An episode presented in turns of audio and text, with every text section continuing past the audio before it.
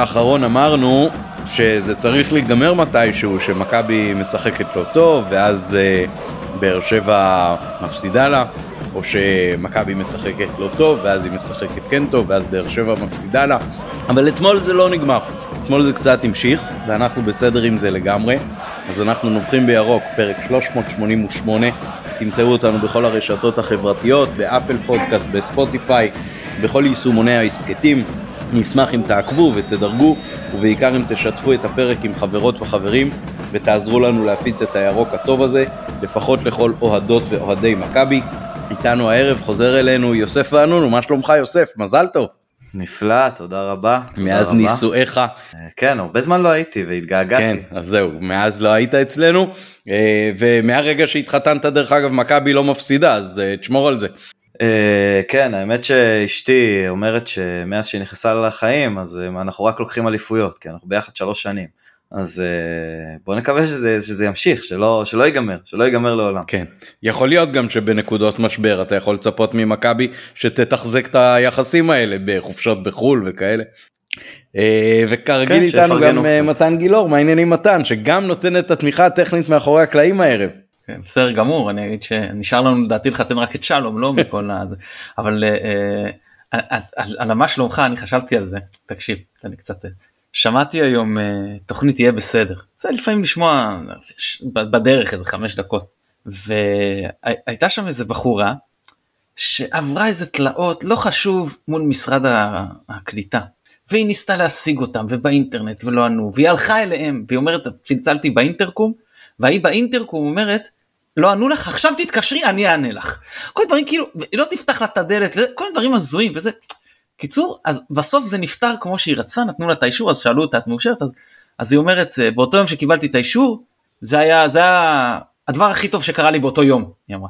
אז כאילו, understatement כזה, אז אני אומר, הניצחון, דבר הכי טוב שקרה לי אתמול. כן, לגמרי ככה אצל כולנו. הגיוני מאוד. אה, אז אני עמית פרלה, ובואו נצא לדרך, יש לנו אה, נביחות, אז אה, בוא, תנבח ראשון, יוסף. אז uh, מעבר לזה שאני רוצה להצטרף לנביחה של מתן על הכרטיסים למכבי תל אביב ולחזק, uh, חד משמעית זה לא רק מולם, זה, זה, זה כל משחק גדול, השיטה צריכה טיפה להשתנות, בין אם זה הגרלות, שאם נגיד אני זכיתי אז אני מקבל פתק אחד בהגרלה הבאה ומי שלא זכה מקבל שתיים, לא משנה, מוריד את הסיכוי, מגדיל את הסיכוי, נורא. אני בא רגע והפעם אני לא נובח על אף גורם רשמי במכבי חיפה, חבר'ה, תחזיקו חזק, הפעם זה לא עליכם, הפעם זה על האוהדים, אה, שאני לא יודע, אני, אני עושה מרכאות עכשיו, אתם עדים, אה, אוהדים במרכאות שבאים ו, ומספסרים בכרטיסים. עכשיו, בואו נניח ואתם מספסרים בכרטיסים ומחליטים למכור במחיר ויש ביקוש, וזה, בסדר, נגיד. למה אתם עושים את זה לכמה אנשים? כלומר, למה אתם מוכרים לכמה אנשים את הכרטיס? כאילו כבר מכרת? למה אתמול אני מגיע לזה ואני רואה שלושה ילדים קטנים, אתה יודע, 12, 13, 14, בוכים בחוץ, כי הם באו מרחוק, ומכרו להם כרטיסים שלא עוברים בברקוד, והם הולכים לקופה ואומרים, תקשיבו, נכנסו עם הכרטיס שלכם, אין לי מה לעשות. אז כאילו, אני בא ואומר, החלטת לספסר, ספסר, זה לא, זו תופעה שלא תסתיים, המועדון צריך לטפל בזה, וכבר דיברתי על זה בעבר ואני לא אחזור על זה שוב, על השיטות לטפל בזה, כי הם יודעים בדיוק מי עושה את זה. אבל אם כבר החלטת לספסר, תהיה בן אדם. מכרת לילד, תפרת ילד, קחת שיהיה לך לבריאות, באמת, כל הכבוד לך. אבל אל, אל תגזים, כאילו באמת, אל תהיו חזירים. ויש אני... גם את אלה ש... סליחה מתן, יש גם את אלה ש... שהם בסדר, הם צדיקים, הם מוכרים במחיר עלות, ואז מגלים שהם מכרו במחיר עלות את הכרטיס ל-20 אנשים. כי להם הכי קל למכור במחיר עלות. הם מוכרים ל-20 אנשים, 30 אנשים, מחיר, כרטיס מחיר עלות. ו-20-30 אנשים נשארים בחוץ, וזה קורה כל שבוע מחדש. אני אגיד לך משהו על זה. את האנשים שמוכרים למעלה ממחיר עלות הספסרים, צריך לטפל בהם ביד קשה. אבל אלה שמוכרים לכמה אנשים, שאתה גם, יש פה מה שנקרא כישלון תמורה מלא, ומעבר לזה, זה לא רק שחיכית ולא קיבלת את המוצר, אתה מגיע עם ציפייה, אתה יודע, כבר הגעת לאיצטדיון, לפעמים אתה גם הגעת עם טרמפ, אתה, אין לך אלטרנטיבה, זה לא שאתה יכול עכשיו להסתובב ולחזור. העוגמת נפש, הכל, באמת, ברמת החקירת, חקירה אפידמיולוגית, כמו שעושים בקורונה, לאיך עבר, איך התגלגל הכרטיס ולמי הוא עבר, שיגיעו. אך אתה יודע מי השם של הכרטיס, אתה יודע מי המנוי. תגיע אליו, תגיד לו למי אתה מכרת. לא מאשימים אותך. יכול להיות שאתה מכרת במחיר עלות, לא יכולת להגיע שבת, לא יודע מה, מכרת את המנוי שלך, ל-X, אין בעיה, בוא תראה לנו את הבן אדם, תעבור לבן אדם, למי אתה מראה, ככה עד שתגיע לגורם שממנו הוא עבר לאותם אנשים ואתה יודע, צריך, מכבי צריכה להפיץ שדברים קורים כאלה, דברים כאלה קורים שיעבירו לה את השם, את המספר, את הכל, והאנשים האלה צריך קודם כל לדעתי תלונה במשטרה, דבר שני לחסום לצמיתות מעתה ועד הנצח כל אפשרות שלהם להשתתף ברכישת כרטיסים או, או לבוא בשערי כרטיסים, אה, שערי משחקים של מכבי. אה, וכמובן אה, לאותם, לסייע לאוהדים כאילו בפרטים שיוכלו לתבוע אזרחית. חד משמעית, אני מסכים איתך, הבעיה לגבי השמות היא שאנשים היום שמוכרים את הכרטיסים מסתירים את השם מהכרטיס. לא, לא, לא על הכרטיס, אני לא מדבר 아, אה, של מי אוקיי. הכרטיס. לא, כאילו, אבל ד, דרך הברקוד אני מניח כן, שאפשר כן, לעשות מחזורים. אתה מדבר עם בן אדם, זה, זה הרבה פעמים. נכון, דרך הברקוד אפשר לעשות של מי המנוי, ואתה יודע, הילד הולך לקופות ואומרים לו אין מה לעשות, נכנסו עם הכרטיס שלך, אז כאילו לפחות תיקחו את התיעוד של הכרטיס הזה, תעשו עם זה משהו, תעבירו את זה הלאה, באמת לא עושים כלום. עכשיו כשעמית אומר את זה, זה נשמע לי הגיוני שאפשר להבין דרך הברקוד של מי המנוי, זה מאוד הגיוני.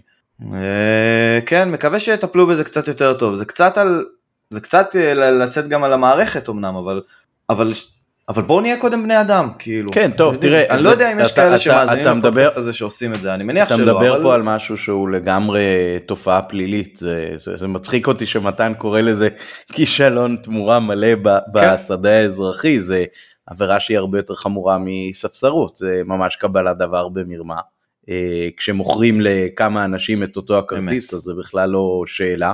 אה, ומבחינתי בטח כמישהו שנותן למוצר הזה במרכאות את, ה, את ה, אחד הערכים הכי גבוהים שיש אז, אז אה, ממש ממש חמור. וזה מעניין שאתה מתייחס לזה כי אני אתמול אה, ראיתי אולי אחרי הרבה מאוד זמן שלא ראיתי ספסר שמוכר פנים אל פנים ולא בוואטסאפ. הגענו ברגל הילדים שלי ואני אם אתה רוצה אני יכול לתאר לך כן, גם איך הוא נראה. כן, אני מתאר לעצמי, חלקם הגדול, כן, כן, חלקם הגדול אתה, אתה מזהה אותם ו- ורואה את ההזדקנות שלהם עוד מהימים שהם היו מסתובבים ליד uh, קופת חיפה ב- מול בית הקרנות שם. Uh, אז כן, אז, uh, אז גם כאילו, אתה יודע, גם שמעתי אותו, כאילו מי רוצה כרטיס, מי רוצה כרטיס וכמה אתה רוצה, ואז הוא אמר 300 לכרטיס בצפוני. הסתובבתי אליו עכשיו הילדים שלי ניסו קצת לעצור אותי אני יש לי בדברים האלה פתיל מאוד מאוד קצר מתן גם ראה אותי ב, ביציע ובעלייה למטוס יש דברים שאני לא באמת כאילו קשה לי איתם. אה, אז זה מעניין שהתגובה שלו אליי כשהערתי לו אמרתי לו מה 300 זה עבירה מה אתה עושה מה זה מה פה מה שם תדע לך תיזהר. אז uh, התגובה האינסטינקטיבית שלו הייתה למה אתה לא בהפגנות. כאילו ה- היכולת הזאת שלו לקשור בין המעשה הפלילי שלו לבין ההפגנות הייתה מאוד uh, מעניינת ככה, אפשר אולי לפתח את זה אבל לא בפודקאסט הזה, בכל זאת uh, יש עליי מגבלות גם. אבל כן אני, כן יש לי תגובה, אבל, אבל כן אני יכול להגיד, לזה, אני, לא אני כן יכול להגיד שהיו, ב, ב, זאת אומרת, זה היה ממש ככה ליד הקופות האלה שבצפון אה, מזרחי וליד הדוכן של מכבי שם יש אה, שני פרשים מהמשטרה, ניגשתי אליהם, אמרתי להם, חבר'ה יש פה מישהו שמבצע מול העיניים שלכם, זה ממש מול העיניים שלהם, עבירה פלילית של ספסרות, לטיפולכם מה שנקרא, והמשכתי ללכת, אה, אני לא אגיד שאני לא קצת חושש בסיטואציות כאלה, אה, והילדים שלי באופן אה, יותר רציונלי ממני גם חוששים, אבל זאת כל עוד אנחנו במדינה חופשית אנחנו צריכים לגלות את המחויבויות האזרחיות שלנו אחרת מאוד קשה לבוא בטענות לאחרים, זה, זה השנקל שלי מה שנקרא, הנביכה שלי עצמה היא הרבה יותר שמחה אם כבר אני מדבר. אה, בבית הכנסת ביום שישי אה, נכנסו ארבעה חבר'ה צעירים שהם לא מבני בית הכנסת הרגילים וזה בית כנסת די קטן ספרדי ברחוב אידר למי שמכיר. אז יש לו מעט מאוד אורחים מבחוץ נקרא לזה ככה שלא באים עם בני המקום אה, אז נכנסו ככה ארבעה חבר'ה צעירים ואחד מהם גם עם uh, כיפת קטיפה ירוקה. לבית הכנסת הספרדי נכנ... לבית הכנסת הספרדי נכנסו לפתע ארבעה אשכנזים. לא לא אני נשארתי די האשכנזי היחיד שם או הכמעט יחיד.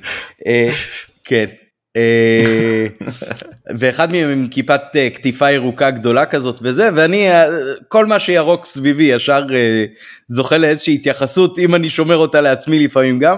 אמרתי לעצמי מעניין אם אני מבקש ממנו להחליף למרות שגם לי יש בכיפה ירוק אז ואז אוקיי בסדר נגמרה התפילה ולמחרת בשחרית של שבת אז מישהו ניגש אליי ואומר לי אתה יודע שאלה הגיעו מהדרום uh, למשחק, הם לקחו פה דירה. ואז ניגשתי אליהם כבר ואמרתי להם חבר'ה מה זה אתם באים uh, מהדרום למשחק למה אין לכם אה, טלית ירוקה כמו שלי ואיזה מין אוהדים אתם וכאלה? אז התחלנו לצחוק ולדבר ואחרי התפילה גם uh, הראיתי להם מה הדרך הכי קצרה להגיע ברגל לאיצטדיון היה מאוד מאוד מרגש כאילו הקטע הזה אתה זה גם אתה וגם הרבה אנשים בבית כנסת נגיד שאין להם את החיבור הזה בכלל לכדורגל ואין להם את הקשר, פתאום רואים את ההקשר החברתי ההרבה יותר רחב של הדבר הזה ולראות אנשים שיש להם מה שנקרא דבקות כפולה גם בקטע הזה של שמירת השבת וגם בקטע של הכדורגל. אה, נורא מרגש אותי כשדיברתי איתם גם מסתבר שהם בשנה שעברה חלקו איתי שבת במלון ליאונרדו שהייתי עם הבת שלי בבאר שבע לפני המשחק אה, בטרנר בבית אה, העליון, אז החלפנו זיכרונות ומבחינתי כאילו זאת חוויה שאני אזכור הרבה יותר טוב מהרבה מאוד משחקים ושערים וזה, כי זה באמת נותן את הסגירת מעגל לגבי עד כמה הדבר הזה הוא הרבה יותר מה-90 דקות על הדשא. עכשיו אני נובח קצת, אז אני רוצה לנבוח על שיירת האוהדים, הצעדה של האולטוס לפועל באר שבע לאצטדיון. אה, אנחנו חונים מדרום ועושים את דרכנו לאצטדיון כרגיל ושנקרא נקלענו לצנטרום של הצעדה. אה, מה שנקרא אולי אה, מי שהיה אומר אתה צריך להיות חכם ולא צודק אל תיכנס אבל אני צודק זה האצטדיון שלי אני לא אשנה את מנהגיי ודרכיי ומסלולי ותזמוני בגלל שהוא קהל אורח. אז ממש ממש באמצע כאילו באמת אנחנו כמובן עם צעיפים ירוק חולצ, חולצות משחק והכל שום קריאה שום צעקה לא קללה לא איום בטח לא אלימות פיזית באמת בוא נאמר שכשהייתי בדרך לבלומפילד ולא נקלעתי לאמצע השיירה סתם הלכתי פשוט זה אתה שומע קללות וקריאות וזה פה כלום באמת אפילו שהצנטרום שלהם ממש כל הכבוד להם. כן הם קצת חסמו את הכביש אני לא מת על חסימת כבישים בכלל לא משנה מי עושה את זה בימים אלה מה שנקרא. אה, זה אתה יודע כל פעם שיש כל אחד על מטרה אחרת מפגין אה, וחוסם כבישים אני לא אוהב את החסימה הזאת בין אם אני מסכים מטרות אותה הפגנה ובין אם לאו. אה, אז הם קצת חסמו. לא אהבתי את זה אתה יודע יש אנשים זורקים גם בקבוקי בירה לצד הדרך אבל בסדר זה באמת בקטנה בסך הכל הם היו בסדר גמור. כמובן שהמשטרה איכשהו הצליחה לעזוק שם מישהו, באמת, לא הצלחתי להבין אפילו על מה, מה זה עשו, כאילו, באמת, זה היה לא אלים, זה היה... אולי הם חשבו להם... שזו הפגנה. כן. אה, זהו, אז מבחינתי אחלה אחלה של צעדה ואחלה אוהדי באר שבע שהתנהגו באמת יפה אלינו וגם אל, אל, כאילו עוד עד מכבי קצת שהיו אולי טיפה יותר רחוקים, אז זו, זו הנביכה שלי. שהיה ממש נחמד. כן זה באמת מעניין ש, שאתה מדבר על העובדה שאלה היו האוהדים כאילו של האולטרס של הצעדה וזה כי בסך הכל גם בקהלים שהם נקרא לזה יותר עוינים את מכבי או יותר מיליטנטים באופן כללי בגדול עם הרוב הממש מכריע של האוהדים אתה יכול להתחבק וללחוץ ידיים והכל לפני משחק ואחרי משחק ובאמת אה, אתה יודע תמיד צוחקים על, ה, על הקטע הזה של הקומץ והקומץ, אז בסוף באמת פה יש uh, כמה ערוגות שהן uh, מסריחות, אבל רוב הדבר הזה הוא ממש ממש בסדר, אתה יודע מה? אפילו, אפילו, באח... אפילו אם נסתכל באחוזים על החברה הישראלית, הלוואי שבאותו אחוז של החברה הישראלית יהיו אנשים שהם פחות בסדר מאשר כן בסדר. אני אגיד את האמת לגבי האוהדים של באר שבע, אני ממש מסכים עם מתן ואני גם מסכים איתו לגבי ה... הלוואי ומה שאמרת היה נכון גם בבלומפילד, כי... ואני מדבר על הצד הצהוב של, של העיר הזו, אה, כי שם גם אני מרגיש הרגשה לא, לא, לא נעימה, אף פעם, זה אף פעם לא עובר חלק, אף פעם לא עובר חלק לא בדרך לאוטו, לא בדרך מהאוטו למגרש, ולא משנה כמה התוצאה, זה אף פעם לא עובר לי חלק. אה, טוב, אז נייחל ש... ואני לא פרובוקטור, אני באמת, אני מבטיח לכם. כן. טוב, אוקיי, אז בואו אה, ניגש קצת לכדורגל, כמו שאומרים, היה גם משחק אה, זה נכון שזה לא משחק לפנתיאון אבל התוצאה היא בטח אה, מאוד מאוד אה, משמחת 1-0 על היריבה העיקרית שלנו כרגע לתואר. בכר בוחר לעלות עם ארבעה בהגנה בסך הכל רוב המשחק כשאחד מהם זה רמי גרשון. למרות שחזיזה באמת לאורך המשחק שיחק ככה קצת תפקיד חופשי כאילו אתה תהיה איפה שאתה אתה אתה כן, יכול להיות במגן ימני, אתה יכול להיות בכנף ימני, אתה יכול להיות שמאלי רוב הזמן, כאילו זה, זה באמת גם מה שבסוף uh, עשה את המבצע של השער. אז בואו uh, ניתן אולי את ההתייחסות שלכם, איך ראיתם את ההרכב הזה uh, כשקראתם עליו לראשונה. מתן. טוב, אני ברשותך אתחיל מבאר שבע, בסדר? רק ככה בנגיעה. אני מזכיר לכם שבאר שבע אצל בכר הייתה משחק די קבוע עם, עם, עם, עם נו עם אה, ברח לי אה, דודו גורש אה, נכון בשער בהתחלה אחרי זה חיימוב היו משחקים עם ביטון סוארז צדק סוארז ואחרי זה ויטור צדק דוד זאדה אחרי זה ההונגרי שלהם אני כבר לא זוכר איך אולי תזכירו לי איך קראו לו. קורות. קורות בדיוק ואז היה להם באמצע את אוגו ואובן וואקמה בשמאל חלוץ או, או ברדה או בן סער ופה התחיל הסיפור נגד הקבוצות היותר קטנות הם היו משחקים עם מליקסון באמצע ובוזגלו אה, בימין 4 2 3 1 אני מדבר על ההרכב הכי חזק תמיד יש לך פצועים שינויים וזה. ונגד הקבוצות היותר גדולות רדי גם היה פותח על חשבון בוזגלו מליקסון היה זז ימין. לכן אה, אה, ברדה מבחינתי ואני חושב הוא לא, לא חושב שהוא יכחיש את זה הוא יחיש סליחה את זה ינק איפשהו אה, אה, מבכר אה, לא מעט מהעקרונות שלו, ואתה רואה את זה גם אצלו שהוא עושה את זה העונה לא מעט. כשהוא בא מול היריבות היותר קטנות, אתה רואה הרבה פעמים את מיכה או ספורי פותחים בעשר, וכשהוא משחק מול היריבות היותר גדולות, אז אתה רואה עם שלישיית קישור אה, הגנתית, ואם כן ספורי כשיר או משהו יכול לשחק בצד, אם לא אז הוא, הוא שם שחקנים אחרים. אז פה הוא עלה ב-4-3-3 קלאסי עם השלישייה של שמיר גורדנה אליאס באמצע, והוא בחר לשחק עם שלישייה קדמית של אה, זרים פאון אה, אנסה וקלימנה שיש פה דגש, אנסה הוא בעצם הכי לא טריוויאלי פה, כי למה לא שפי, כן? אז אנסה זה פשוט שחקן שבנטייה שלו הוא יותר בא לאמצע, הוא פחות משחק על הקו, יכול להיכנס לתפר הזה, דיברנו על זה לפני, שבין אה, אה, קורנו שעולה לא מעט לבין אה, גרשון במקרה הזה, ולהצטרף כחלוץ שני. אני חושב שזה הרעיון המרכזי שעמד מאחורי ההרכב של אה, ברדה. אני אשחק עם אמצע חזק, אני ארוויח כדורים, אני אדחוף את זה אל ההתקפה, כשדגש עם הכניסות של אנסה לאמצע מקו שני בין המגן לבלם, ואני אנסה שם להרוויח את השטחים. אז, אה, ואיך בכר פתח? אז בכר כמובן אה, פתח בסוג של 4-1-4-1, כמו שאמרת חזיזה יותר חופשי כזה, זה היה נראה גם בהתחלה כאילו אני לא יודע אם הוא ניסה, ניסו שם לעשות איזה תרגיל כדי לעבוד על באר שבע, שחזיזה כאילו בא ימין על כאילו להיות בתור מגן בקו חמש, ובהתקפה הבאה הוא כבר אה, הלך שמאלה. אה, תראה, בדרבי זה עבד, ואז מול אשדוד, בדרבי זה עבד, אבל אמרתי, תראו, זה אחלה שזה נקודתית עובד בדרבי, זה לא מתאים לבייטני. ואז מול אשדוד זה לא עבד, ניצחנו אבל זה לא עבד. אה, אה לא סליחה, מול אשדוד שיחקנו קו חמש, לא משנה, אבל קו חמש, הכוונה רק השאר אחד, והרבה כלים התקפיים. ולבוא מול באר שבע, גם לא קו חמש, גם עם רמי גרשון, גם רק עם אבו פאני, שהוא לא קשר אחורי, הוא קשר מרכזי, בתור הקשר האחורי, אני חושב שזה היה מוגזם. אבל מה הרעיון של בכר, וזה מה שחשוב, זה מה בכר חשב, לא מתן גילאור חשב, רק בכר חשב.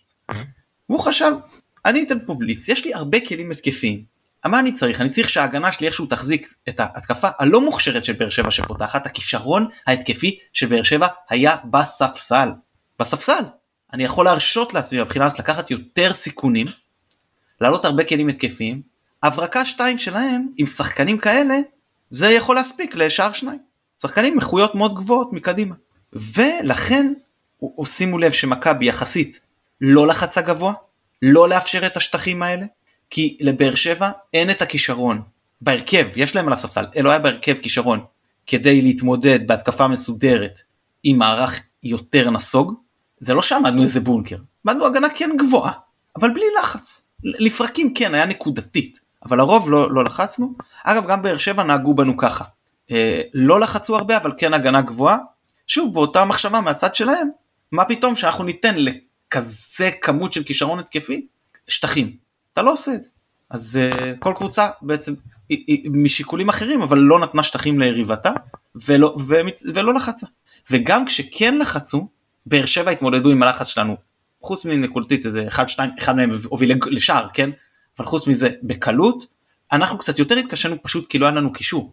וכשאין לך קישור אז אתה יכול לדלג עליו בכדורים ארוכים ומשום מה לא הרבנו לעשות זאת. ניסינו כן לשחק כדורגל וכשלוחצים אותך ואין לך קישור זה דווקא הזדמנות הנה עכשיו תעיף לכל החבר'ה שנמצאים מקדימה ולא עשינו את זה וגם ה... לא, אותם שחקנים לכאורה סבא ושרי שהייתי מצפה שיבואו אחורה ויעזרו בניהול המשחק לאבו פאני במקרה הזה לא עשו זאת. עכשיו אמר בכר אז היה בדרבי הוא אמר אם אני מדבר עם החבר'ה האלה ויש להם נכונות לעבודה הגנתית ואני רואה שהם נכונים אז אני מרגיש יותר בנוח.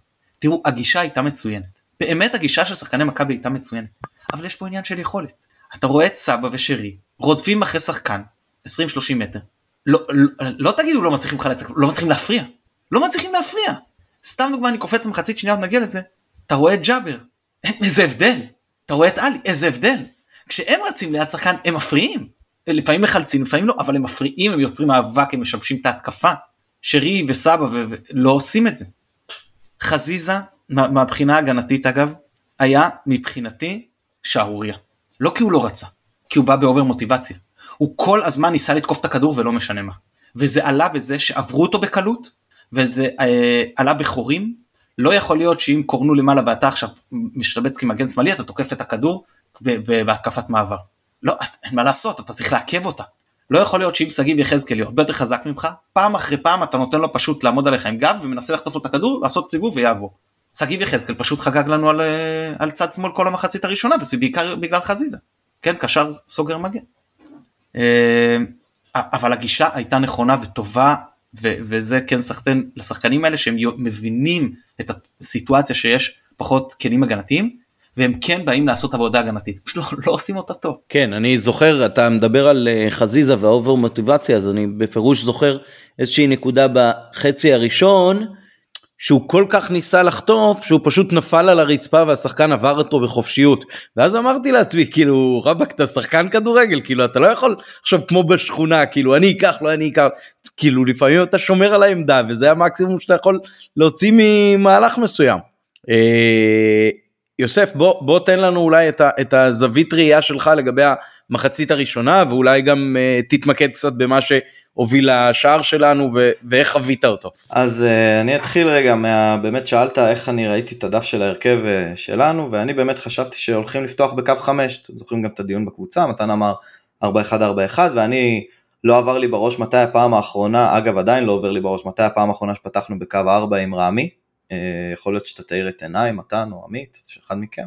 אני, אני חושב בנתניה בגביע, לא? שאני כבר לא זוכר אם זה היה קו חמש או ארבע. אני לא חושב שהוא פתח. הוא פתח, הוא פתח. הוא פתח? בגביע בנתניה עם רז מאיר. אז זה, זה, זה, היה לדעתי קו חמש. אם אני לא טועה זה היה קו חמש. אני, אה, אני חושב ארבע, אבל לא, לא כזה חשוב. כן. אני חושב שגם אז דול, אה, דולב היה השחקן החופשי, אבל כאילו זה היה יותר קו חמש מאשר הטעיה, אם אני זוכר נכון.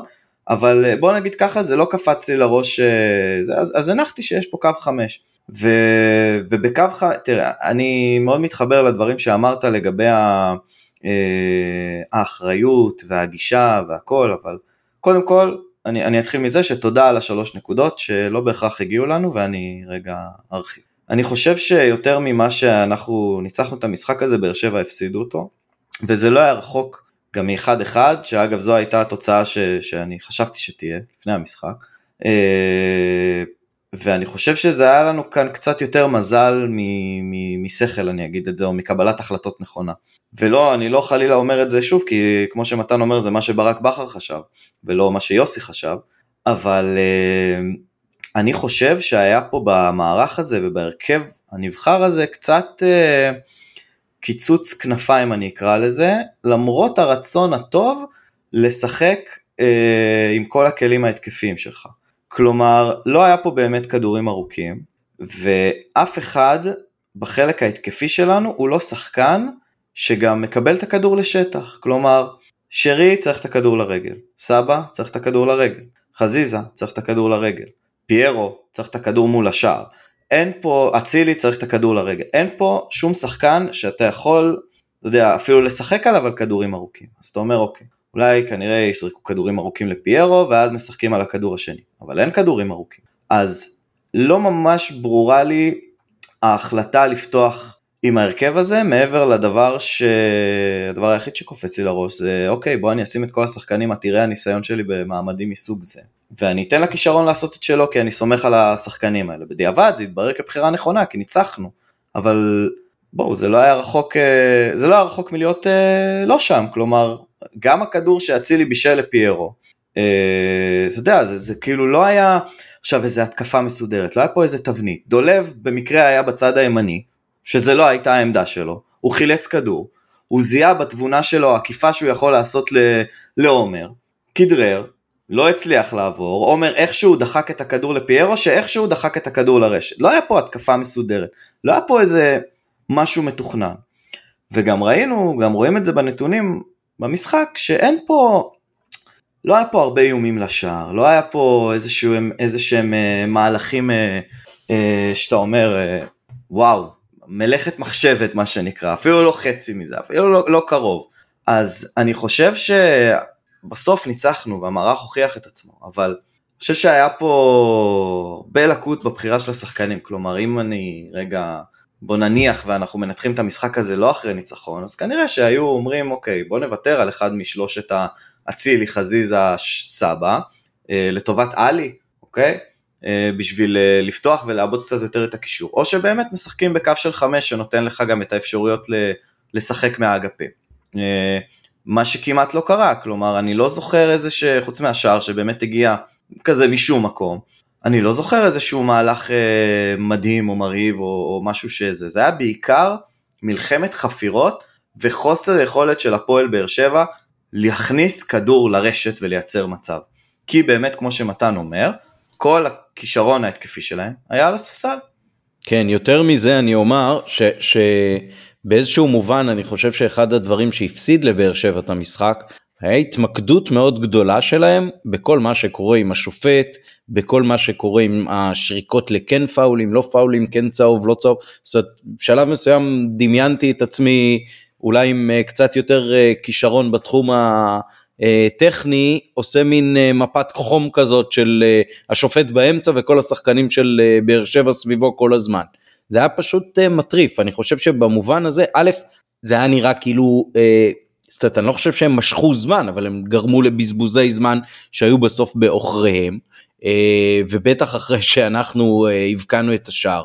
וההתבכיינות האינסופית שלהם על כל שריקה, אני מאוד שמח שאצלנו uh, היה פחות, הייתה פחות היגררות לדבר הזה מאשר בקרבות קודמים מולם, אני חושב שזה עזר לנו להיות יותר מפוקסים.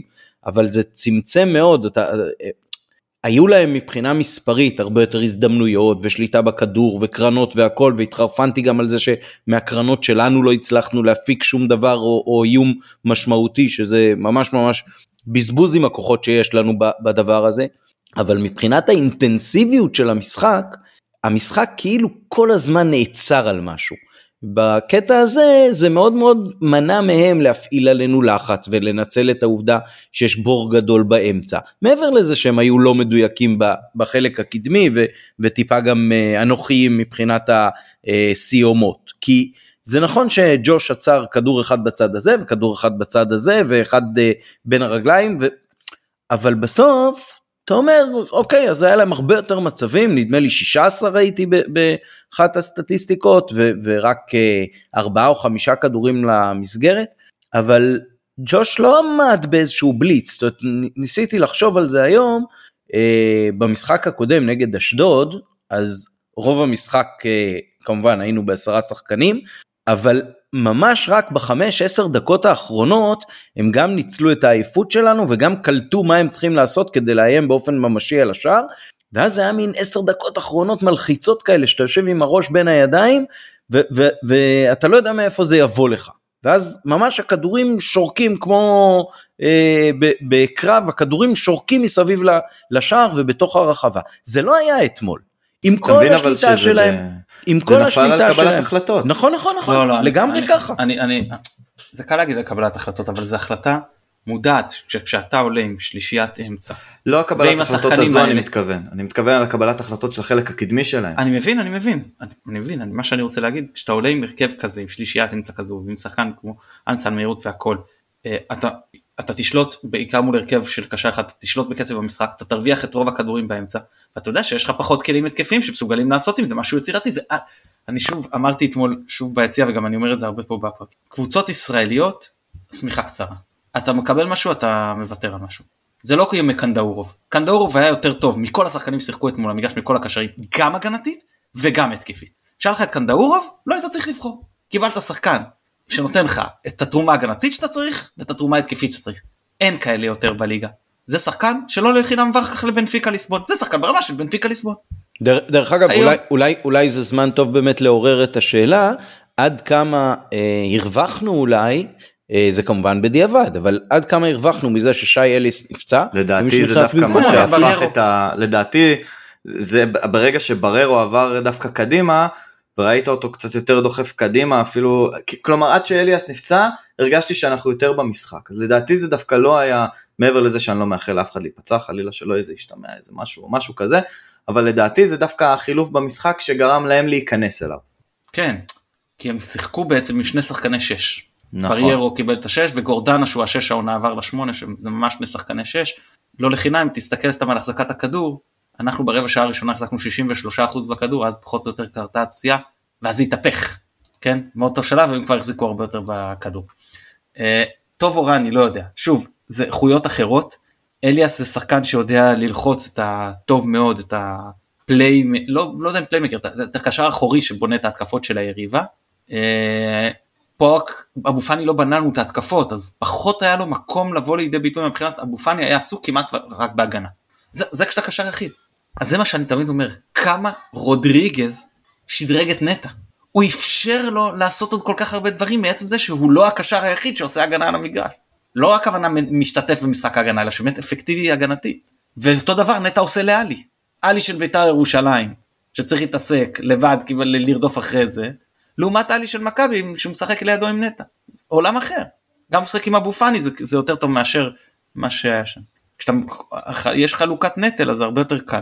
אמ, אני, חזיזה באמת זה ממש העונה הפתגם של שמאל חזק, שמאל חלש ימין חזק.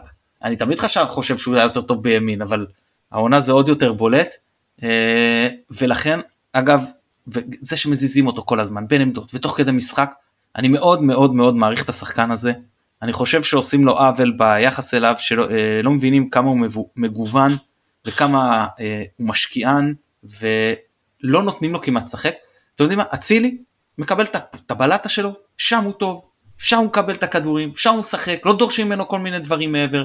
תן לחזיזה לשחק את זה רק אני חושב שהוא הרבה, אה, ייתן לך הרבה יותר מספרים ייראה הרבה יותר טוב. ככה הוא גם לא, פתח לא את העונה בעמדה אחת ושם הוא היה טוב. כן שזה גם אגב לא העמדה הטבעית שלו הוא משחק כאילו נכון. מגן ימני בקו 5. נכון. כן.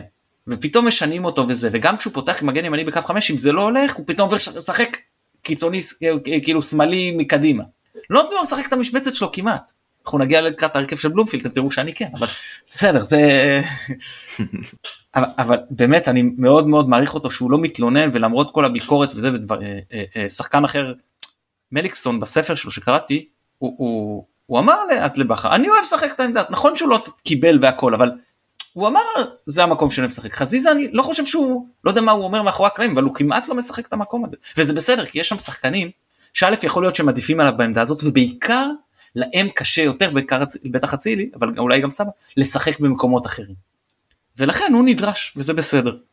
אה, ולגבי השאר אגב שני המהלכים הכי משמעותיים שלנו במשחק זה פשוט שחקן שבין אה, אם בשער ובין אם בחילוץ של סק שלוקח את כל יכולותיו הפיזיות ואת כל המטר תשעים פלוס פלוס וזורק אותם על השפיץ של הנעל. ואני כל כך אוהב שחקנים נחושים כאלה אתה יודע שאין להם בעיה עם כל הגובה וזה פשוט לזרוק את עצמם. אה, מבחינתי זה כאילו סוג של שער פיירו כזה קלאסי. אה, אה, חד משמעי. שאתה יודע מה אני אשאל את זה ככה זה, אף פעם אתה לא יכול להגיד מה היה קורה אילו כי אתה לא יודע איך המשחק היה מתפתח והכל אבל חלוץ אחר אצלנו בסגל מכניס את השער הזה הוא זורק את עצמו ככה ולא מעניין אותו כלום וזה אני לא בטוח אולי לא כן, בטוח לא. בכלל אני לא בטוח לא בטוח בכלל מצד שני יש דברים אחרים שחלוצים אחרים היו עושים כן יותר טוב כן הכל בסדר. ואני מסכים לגבי הכדורים הארוכים לא ניצלנו את זה כי כשפיירו יוריד לאותה רביעייה רק להבין את ההבדל. מול אשדוד דיברנו על זה שכן שיחקנו על כדורים ארוכים פיירו 34 מאבקים המשחק הזה פיירו 12 מאבקים אז נכון הוא לא שיחק את כל המשחק ועדיין זה מראה גם על השיטת משחק שאנחנו עשינו. אגב לקראת סוף המחצית הראשונה אז באמת עברנו כבר לקו 5 כי זה היה בלתי נסבל הסיפור מה שהלך אצלנו בימין כל הזמן. שמאלה של ההגנה סליחה התקפת ימין של באר שבע שאנסה אה, נכנס למרכז ויחזקאל חוגג על הקו וטוב עשה בכר שזיהה את הסיפור הזה העביר את חזיזה ימינה נת... עבר לשחק עם אה, שלושה בלמים לקראת סיום המחצית ואגב זה כבר כמה משחקים ברצף שחוץ אה, מהמשחק שהוא נהדר נגד אשדוד שסונדגרן אה, חוזר ממש לעצמו, משחק מצוין. כן, משחק נהדר. וקורנו קצת פחות ואולי באמת אה, עם פגרת הנבחרת שיחק אחד ועכשיו יקבל שבוע מנוחה קורנו בלי המשחק באמצע. אני מאוד מקווה שזה יחזיר אותו יותר אה, אה, בפוקוס לשלבים האחרונים של העונה כי אנחנו ממש ממש צריכים אותו הוא שחקן מאוד מאוד חשוב לשיטה שלנו. כן הוא אחד השחקנים המשמעותיים כן. במערך, ש... במערך האולטימטיבי שלנו לפחות בהרכב הכי חזק. חושב שזה חיסרון גדול, עוד לא הגענו לדבר על יום שלישי, אבל אני חושב שזה חיסרון מאוד גדול, כי בסוף זה משחק שאם אתה מנצח אותו, אתה יודע, אני לא, אני לא, אל יתעלל חוגר, אבל זה לא, אם אנחנו מנצחים את המשחק הזה, זה מאוד קרוב לסיום. עם החוסרים שיש לנו שם, ועם איך שעלינו ונראינו אתמול, אני לא אגיד שאני לא חושש, אבל תכף, תכף לא, נגיע. אני אגב חושב שזאת אחת הסיבות שאלי לא פתח. כן, אני כן, לא בטוח, כן, אם, כן. אם יש שבוע בין המשחקים, אפילו אם הוא מחליט על אותו מערך, הניחוש שלי שהוא פותח עם עלי ולא עם פאני. אני אבל מסכים. הוא ידע שאין לו פאני בשלישי, עלי יצטרך לקחת עליו הרבה יותר, ולכן, ולכן אגב אני חושב שהחילוף הראשון היה ג'אבר ולא עלי. כי הוא נכון. אמר, אמר שעלי הולך לעבור ביום שלישי ועלי זה שחקן, דיברנו על זה בעבר. בניגוד לפאני, הרבה יותר קשה לו לתפקד בעייפות, והוא, והוא רצה לשמור אותו כמה שיותר טרי לקראת uh, יום שלישי, זה לפחות ההנחה שלי, אני כמובן לא יודע בוודאות.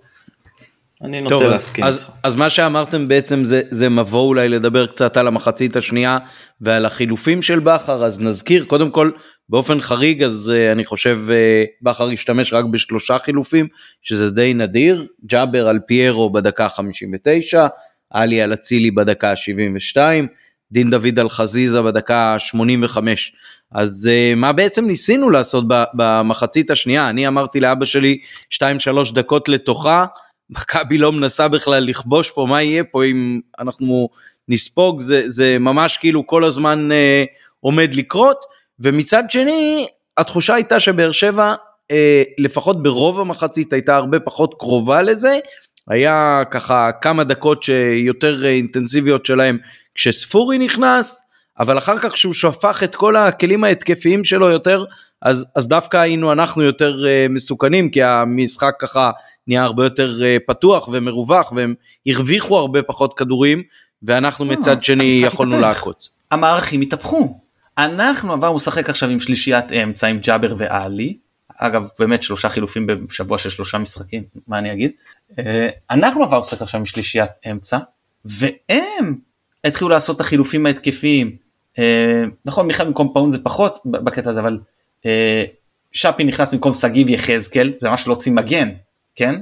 ואז אולי פאון עבר לשחק מגן ושפי נכנס קדימה ואחרי זה מה ש- מה שאמרנו הוא יצא ונכנס דור מיכה וספורי במקום גורדנה כאילו הוא ממש פשוט זרק את כל מה שהיה לו. ברור שיש גם אה, אה, אה, חמד שיכל להיכנס וזה אבל כאילו אתה יודע על ההתחלה או יחסית רבע שעה זה חתואל ו- וסולימן ואחרי זה מיכה וספורי זה הכלים ההתקפים כאילו האיכותיים לכאורה שיש להם על הספסל ואנחנו איבדנו את הקישור עכשיו הם היו יותר דלילים אנחנו התחלנו להרוויח כדורים ואנחנו התחלנו לצאת לאותן התקפות מעבר והם הסתמכו על זה שהם צריכים להביא את השחקנים המסוכנים שלהם למקומות המסוכנים. אנחנו בתכלס אף אחד לא הצליח לעשות ההימור ההתקפי לא עבד לאף אחד ממש. פעם אחת הצלחנו לעשות את זה אבל כשיטה זה לא זה לא הצליח. כל פעם מי שהימר על, על יותר אה, עוצמה מרכז המגרש כן הרוויח יותר כדורים. אבל לא היה את הכישרון מקדימה או את ההצלחה מקדימה לנצל את זה גם אנחנו כשהיינו עם אמצע יותר טוב הצלחנו להביא אה, לה, התקפות מעבר מסוכנות עם ביצוע, ביצוע ואמרתם קבלת החלטות וגם ביצוע שערורייתי מקדימה כן חזיזה שכבר היה גמור כי הוא גם שחק בנבחרת וראיתם שהוא לא עומד על הרגליים החילוף היה מאוחר עם דין דוד. אה, אני לא מודה גם שלא אהבתי את ההוצאה של פיירו ומעבר לשחק עם סבא כחלוץ. אה, אני לא אומר שלא התאמנו על זה לי זה לא היה נראה שהקבוצה מאומנת על זה. סבא בא יותר מדי אחורה אה, לא היה מי שנכנס למרווחים האלה ג'אבר היה עסוק בלעזור בעבודות הגנה ולצאת להתקפות מעבר ולא בכניסות שהוא כל כך רגיל לעשות להרחבה. זה גם חילוף ששחרר את uh, ויטור לחופשי. נכון, נכון. זה חילוף ששחרר את ויטור לחופשי, הוא הפך אמת. להיות חלוץ לקראת הסיום. אמת. ופיירו, במשחק, בשבוע כזה, אתה, אתה יודע, אמרת שלושה חילופים במשחק, בשבוע של שלושה משחקים. ויטור בא משני משחקי נבחרת ומשחק בשבת, הוא בשבוע של, אה, בשבוע וחצי של ארבעה משחקים. אז אתה אומר, כאילו, ועכשיו יש לו עוד שניים לפניו. הם יש להם קצת יותר מרווח, כי הם שחקו צריך לזכור, צריך לזכור שגם לפיירו היו אה, טיסות והוא לא הספיק להתאמן בעצם מאוד. בשבוע שלפני והוא חזר והוא היה רק באימון הכנה. יכול להיות שבכר פה אה, יותר חשב על אה, יום שלישי מאשר על אה, מה שזה עושה במשחק הזה. והוא אמר אפילו אם יהיה תיקו אני בולע את זה ואני רוצה את לא, לא פיירו יותר טרי ביום. פיירו גם היה עייף, הוא שיחק פעמיים בנבחרת, טיסות מאוד ארוכות ויש יום שלישי.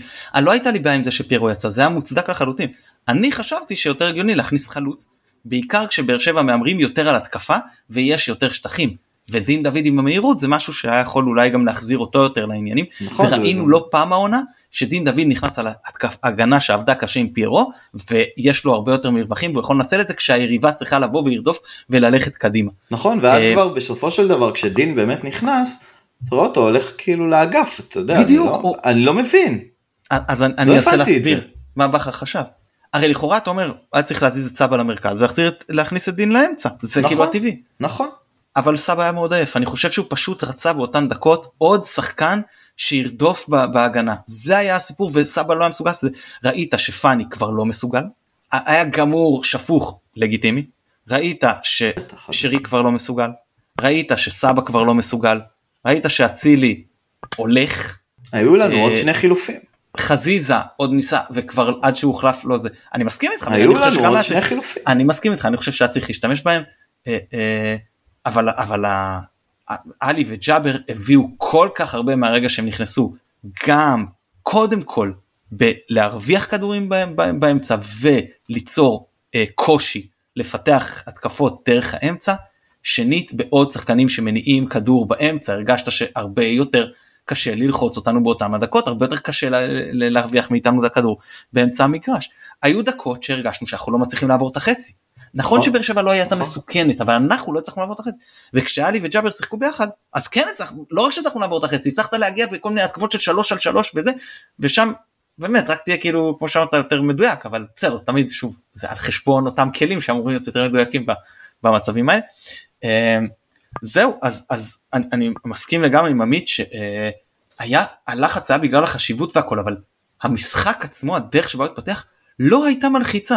באר שבע בשום שלב הייתה התקפה מאוד מסוכנת של אנסה והיו התקפות מסוכנות של אה, שגיב יחזקאל שהחליט לבעוט במקום למסור אבל לא היה אפילו מצב אחד ברמת איכות שאתה אומר וואו איזה מזל שזה לא נכנס מחצית שנייה לא הייתה מתחת למסגרת. או אפילו משהו שאתה אומר ששרק ליד שזה היה בעיטה מרחוק שלכאורה משבט מסוכנת שהלכה לטיזילוך. אתה מבין? כן.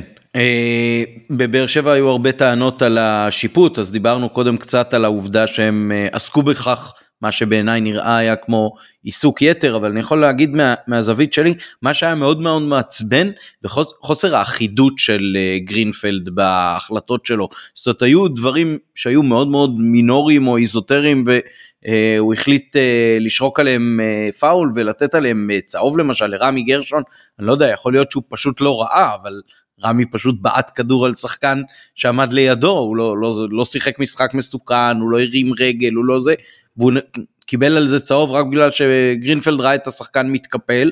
מצד שני אה, הייתה כמובן העבירה של יחזקאל שלפחות בתקשורת ראיתי די הרבה קונצנזוס על זה שזה היה צריך להיות אה, צהוב שני, אז אני חושב שהיה שם הרבה מאוד חוסר אחידות, חוסר עקביות. ביחס לאגרסיביות, היה, היה, היו משחקים שדיברנו על זה בעבר, נדמה לי עם אה, ריינשרייבר או משהו כזה ש, שנותן לשחק. אז גרינפלד היה מאוד לא אחיד, נתן כמובן הרבה מאוד אה, הרצאות לוויטור, לשרי, לכל יתר השחקנים. אה, לברדה הוא נתן להתפרע על הקווים כאילו זה ספורט בכלל מתחום אחר. אה, וזהו, אה, נקודה לזכותו בעיניי זה התוספות זמן, אני חושב שהיה מקום לתוספות יחסית ארוכות וזה באמת מה שהוא נתן, שמונה דקות מחצית ראשונה ושש אני אגיד קצת במחצית השנייה. ברשותכם רגע משהו לגבי כל עניין הפרובוקציות.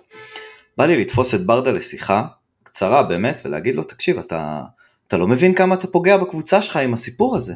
אתה, אתם פשוט מבוזבזים כאילו באמת אם, אתה יודע, תפסתי את רועי גורדנה שהוא לא, הוא מלך הפרובוקציות כן?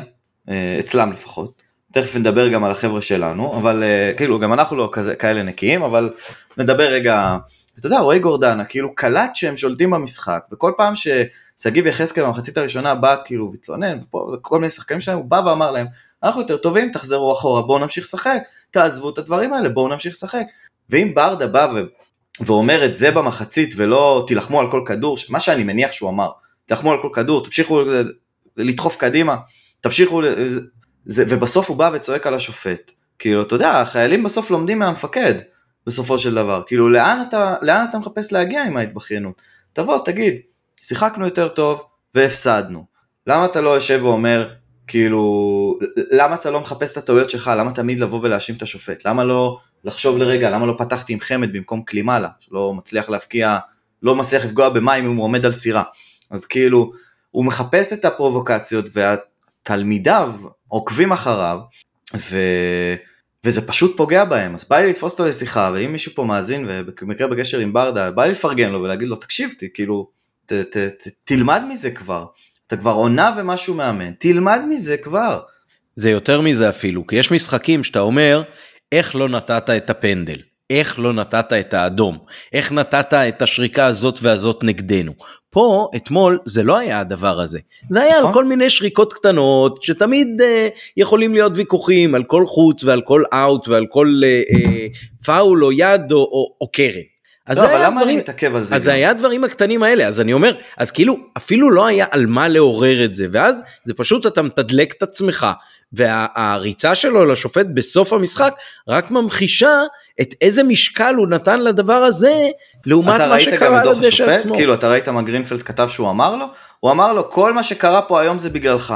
מה רחוק רחוק מהמציאות כאילו ברמות אה, לא, לא. היסטריות. לא. שנייה שנייה ברדה צודק הוא זוכר שכשהרחיקו להם שחקן אצלנו אז הם ידעו להתגונן ולעשות את המהפך ולנצח בסוף 2-1 מה, עם הפנדל זה לא היה הוא, ו... זה לא היה הוא. לא, לא משנה, לבאר שבע. כן. ואז הוא אומר, למה לא, באשמתו של גרינפלד היה צריך להרחיק את יחזקאל, ואז היינו מנצחים את המשחק, זו הייתה הטענה. הבנתי, הבנתי. אתה מבין? בגלל זה הוא בא אליו בטענות מוצדקות, אני חייב להודות כן. שברדה צודק, אכן היה... כן, בפעם כן. השנייה שהרחיקו את אספריה זה לא עבד להם כל כך, אבל כן. לא משנה, בסופו של דבר זה... אותו גרינפלד הרחיק את אספריה על נכון, קשקוש. נכון, ממש על קשקוש. ועל עכשיו את יחזקאל שלו זה... גרינפלד, יש לי בטן מלאה עליו, אבל הוא לא העניין, כי גם ניצחנו, אבל באמת, אני בא ואומר, באמת, הם קבוצה, הוא עשה שם יש מאין בעיניי, כאילו, השלם עולה על סך חלקה בהפועל באר שבע. הם באמת, אתמול מאוד מאוד גם הרשימו אותי עם המלחמה, באמת, הרגשת בשלבים במשחק, כמו שאתה תיארת את זה, לא עברנו את החצי, אני הרגשתי שהם לוקחים כל, הם כל כדור היו ראשונים באיזה, בהתחלה של המחצית השנייה, ברבע שעה עד שהיה חילוף בדקה ה-59 לדעתי, ג'אבר נכנס, אז, אז אני אומר, הרגשתי שרק הם במגרש, גם לשלבים מסוימים במחצית הראשונה. אתה אומר, קח את זה ותטייל את זה למקומות הטובים. עכשיו אני רגע אלך לחבר'ה הפרובוקטורים שלנו. יש אצלנו שניים שלושה שבדרך כלל מסומנים כפרובוקטורים, שניים מהם היו על המגרש אתמול, חזיזה אבו פאני, אה, וזה ממש הרגיש לי, אני רוצה באמת להגיד שאפו לאבו פאני, הוא לא נגרר לרגע, הוא לא נגרר לרגע לפרובוקציות ולדחיפות ולמשיכות, שרי נגרר יותר ממנו, אוקיי? שרי נגרר אתמול יותר ממנו לפרובוקציות של ויטור, אה, ובאמת הרגשתי אתמול מאבו פאני מעבר למשחק הקרבה הענק שלו בהגנה, משחק הקרבה ברמה המנטלית, כלומר הוא היה הרבה יותר חזק מכל אבו פאני שהכרתי לפני זה. מהצד השני היה לי קצת את חזיזה, היה לי קצת אה, קשה לי, עם ה over מוטיבציה, שבאה ובסוף פגעה, אני זוכר איזשהו מאבק עם אה, יחזקאל שהוא חשב שיש לו פאול, ואז הוא פשוט הרים ידיים ככה, ולא ירד להגנה, כאילו הרים ידיים, ואתה תשרוק לי פאול או שאני לא זז מפה כזה, כאילו אנחנו לא בשכונה. וזה קצת, קצת הציק לי עם חזיזה, נגיד את האמת, ואני מקווה שאבו פאני לא ישחק ביום שלישי, וגם שם לא יהיה לנו פשוט, שוב תכף נגיע לזה כנראה, אבל אני מצפה מחזיזה גם לעשות את הקפיצת מדרגה הזו, כי עברנו כבר שמונה משחקים מול הפועל באר שבע הזו, הקשה והפרובוקטורית, שבעה משחקים, כמה? שבעה, מתחילת השנה שעברה. תבינו את הקונספט, כאילו, אבו פאני הבין את הקונספט, את הקונספט, אני מצפה גם ממך. סונגרן הבין את זה אחרי משחק אחד מולם, נגיד, שני משחקים מולם. הבין, מאוד מהר, אוקיי, אלה הפועל באר שבע, בואו לא נעשה את זה. חזיזה כבר שבעה משחקים, מחפש את זה, וזה באסה, וחבל, כי גם הוא יכל להוציא מהמשחק הזה אתמול יותר, עזוב את זה שהוא חטף את הכדור והוביל את המהלך לגול, כבר סיכמנו שזה לא היה איזה מהלך מתוכנן, זה קרה. הוא לא יכל להוציא הרבה יותר מהמשחק הזה, כי הוא לא היה מרוכז גם בשליש הקדמי, הוא היה במשחק הגנתי מאוד בעייתי, ויחד עם זאת אני מאוד מעריך את כל מה שהוא נותן ותורם, וכמו שמתן אמר, זורקים אותו מהעמדה הזו לעמדה הזו לעמדה הזו, אבל הרבה מהמשחק אתמול בעיניי הייתה ה over מוטיבציה שהביאה אותו למקומות לא טובים. זה למעשה לא שבעה אלא תשעה, כי היה עשרה, גם... עשרה, עשרה.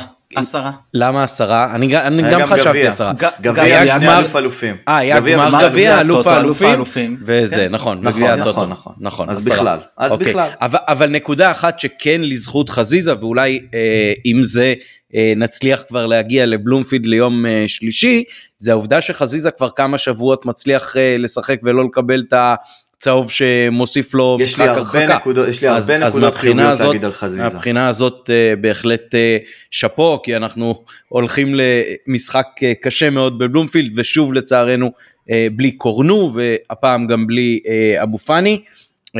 אז בואו, תנו ככה את ההסתכלות שלכם. אה, יוסף, אולי תתחיל אתה עם ההרכב המשוער או המומלץ אני שלך. קודם אתחיל מלשתף חששות, סבבה, אני לפני הזה אני אשתף ואוריד את זה, זה גם דיברתי קצת עם, איך שסיימנו את המשחק אתמול, אמרתי, כאילו הסתובבתי לחבר'ה שלי ביציע, החבר'ה שפגשת שם בבית הכנסת, ואמרתי להם, אה, אם אנחנו נשחק ככה ביום שלישי, אני, אני, אני חושש שמה שהיה לפני חודש וחצי יהיה רק הפרומו. וזה זה, זה מטריד את מנוחתי מאתמול, כי אני חושב שהם באים מעבר לאשליות אופטיות שיש להם שהם יכולים לקחת את האליפות, תקראו לי מה שתקראו לי, אני לא מאמין שזה יכול לקרות כי הם לא מספיק יציבים, מולנו הם מאוד מאוד מאוד יציבים. מולנו זה אנחנו יודעים בדיוק מה נקבל, אנחנו יודעים בדיוק איזה, איזה תל אביב תבוא מולנו, וחד משמעית לא הולך להיות פשוט. ומהצד השני יש את, אה, לא משנה כמה אנחנו נהיה טובים, אנחנו יודעים גם איזה מכבי חיפה אנחנו עתידים ועשויים ברמה מאוד מאוד סבירה לקבל שם. עכשיו אם נוסיף על זה את המערך המאוד בעייתי בעיניי שהיה אתמול וכבר הרחבנו כאן חלק על פועל באר שבע, אני חושש ששילוב של שלושת הדברים האלה, אני לא מאמין שנפתח באותו מערך, לא מאמין שזה יקרה קשר אחורי אחד, אני כן מאמין, אז אני מתחבר לעניין הזה של ההרכב המשוער, אני כן מאמין שיהיה פה עלי וג'אבר במרכז, אה, ואז זה בעייתיות ממקום אחר, כי במידה וקורה משהו גם אין מחליף, אז זה גם משהו שצריך לקחת כנראה בחשבון, אבל בכל מקרה, אה, אני די מוטרד מהמשחק הזה, אה, בעיקר מהצורה שבה אנחנו באים, בעיקר מזה שגם יש עייפות, ניכרת עייפות בסגל ובהרכב, אפילו שלא כולם שיחקו בנבחרות. מהצד השלישי יש לנו גם את שון שעתיד לחזור, אם אני לא טועה, הוא כנראה יחזור, ואלי שיהיה יחסית טרי, אז כאילו יש נקודות אור, יש נקודות חשש, ואני אשמח גם לשמוע מה מתן חושב, כי אני רואה אותו רוצה לדבר, אז אני... בוא, בוא נדבר רגע על, על היריבה. אז מכבי אוקיי. תל אביב משחקת אה, לרוב ב-4-4-2, היה מאז, אה, מאז לאחרונה קרנקה, הם משחקים, כן. כן, קרנקה 4-4-2, שזה מאוד גמיש להם בין 4-4-2 קווים ל-4-4-2 יהלום. שחקנים אה, דינמיים שיודעים לזוז בין כל מיני עמדות בקישור, אה, אז הרביעיית, שוער כמובן דניאל פרץ, רביעיית הגנה אני מניח שהם אה, יתמידו בג'רלדש, אה, לוקאסן, אה, סבורית ודוד זאד. ואז נוגעים פה בקישור, פרץ זה הבנקר כמובן, הקשר הכי טוב שלהם לדעתי, אמנם לא באותו פרץ שאנחנו זוכרים מ-2020-2021, ועדיין אחד הקשרים הטובים בליגה. הוא יכול לשחק, הוא בדרך כלל משחק מול הקבוצות הפחות דומיננטיות את הקשר האחורי, כי הם רוצים להיות יותר התקפיים, וכשהם אה, רוצים לעלות עם קישור יותר דומיננטי אז דן גלאזר פותח שם ופרץ אה, עובר לשמונה, 50-50. והם עולים עם עוד אה, שני שחקנים התקפיים. במשחק הראשון הם עלו נגדנו, אני מזכיר, עם אה, גלוך וגויגון, ממש כקווים. לא, גלוך, במ... 아, במשחק בסיבוב הראשון גלוך נכנס מחליף. בסיבוב השני, השני. אה, הכוונה השני. במשחק הראשון בבלומפילד. אה, במשחק הר- הראשון כן. בכלל הם לא עלו ב-442. נכון. אז הם אה, אה, משחקים עם גויגון, אז הם עלו עם גלוך וגויגון. גויגון אני לא בטוח אם יהיה כשיר. אם יהיה כשיר יותר סיכוי ל-442 קווים, אם לא זה יהיה עם ביטון וקניקובסקי, סיכוי יותר גבוה ליהלום. אה, למרות שגם הם יכולים לשחק קווים, כן, אבל זה פחות מתאים. זה שחקנים שיותר אוהבים לשחק באמצע. אה, אה, גם גויגון כמובן יכול, כן, אבל... ואני מניח שזה יהיה משהו כזה, זאת אומרת, או פרץ כאמצע ימין, קניקובסקי אמצע שמאל וביטון מתחת לחלוצים, או ביטון ימין, קניקובסקי שמאל ופרץ וגלאזר אה, כצמד קשרים, אני לא מאמין שגולסה יפתח, אבל כמובן שיכול להיות מופתע. ויובנוביץ' וזהבי אה, כצמד חלוצים אולי הכי טוב בליגה. אה, זהבי בכושר מפלצתי, חזר מפגרת המונדיאל, זה לא רק השערים, זה עבודה בלתי פוסקת, זה לשחק בין הקווים, זה לבוא לתת, לקחת כדור, למסור ולהיכנס, משחק ברמה מאוד גבוהה, יותר, אחרי שראיתי את הסיבוב הראשון שלו, עם זה שהוא כבש והכל, אמרתי וואלה זה, זה לא זהבי שהתרגלנו אליו. בסיבוב השני זה זהבי שהתרגלנו אליו, זה באמת אה, יוצא מהכלל. אה, מה אני חושב עם כמה זה עוזר להם לשחק איתו עם יובנוביץ' ביחד ב-442? לא חשוב, בעיה שלהם מה שנקרא, כן. אבל לא בעיה שלי. אה, זהו, אבל אה, אז, אז זה מה שאני חושב שיהיה אצלם.